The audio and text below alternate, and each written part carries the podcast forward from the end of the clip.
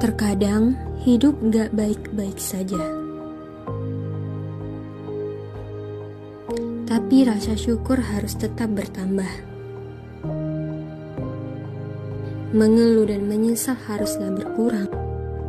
Seperti doa saya hari ini. Ketika menyambut datangnya tahun dan bulan ini, semoga hal kebaikan apa saja akan menetap, sedangkan hal keburukan apa saja akan lenyap. Namun, ada satu hal yang harus saya tanamkan dalam hidup ini bahwa tetap berbuat baik walau tak pernah dihargai. Karena ketika berbuat baik dapat positifnya bukan untuk saya saja, melainkan untuk orang di sekitar saya juga.